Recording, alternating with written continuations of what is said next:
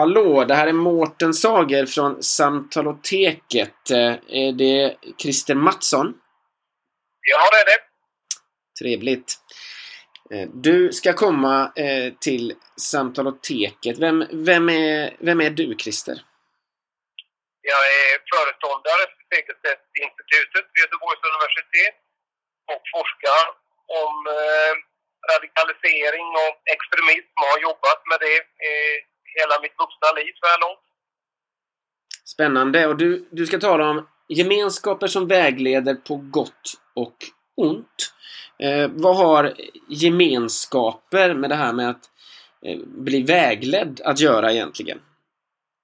Ja, Det jag kommer tala om, det är det som jag har både praktisk erfarenhet och forskningserfarenhet av, nämligen unga människor som går in i nazistiska miljöer och hur de här miljöerna under en period har, har upplevts som väldigt eh, befriande och, och eh, bekräftande och väglett individer i en viss riktning och som de så småningom har upptäckt att de har kommit någon helt annanstans i livet än vad de hade önskat.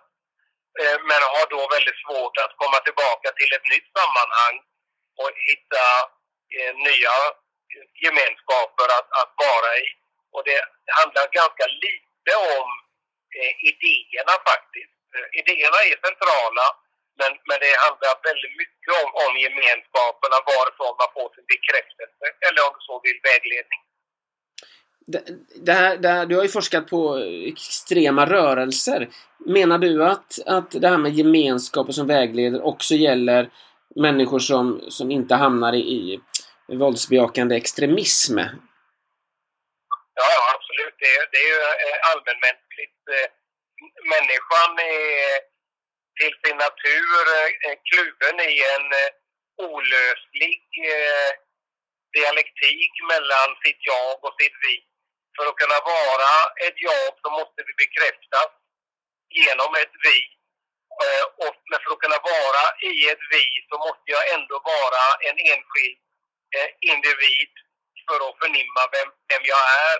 Så eh, jaget och viet behöver varandra men jaget och viet står också i en, en ständig konflikt med vartannat. Så på det sättet så, så är, är, är gemenskaper och vägledning ingenting som är annorlunda i extremistmiljöer. Men det är klart att de förstås och talas om på, på ett annorlunda sätt eftersom de avviker i, i, eh, i sina normer.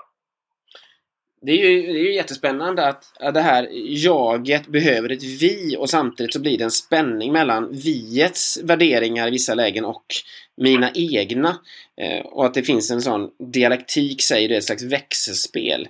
Det här vill jag höra mer om eh, och ser verkligen fram emot att, att höra dig tala om det här på Samtalteket 6 november på Condeco. Eh, vi ses då, Christer! Ja, det gör vi. Det ska bli trevligt.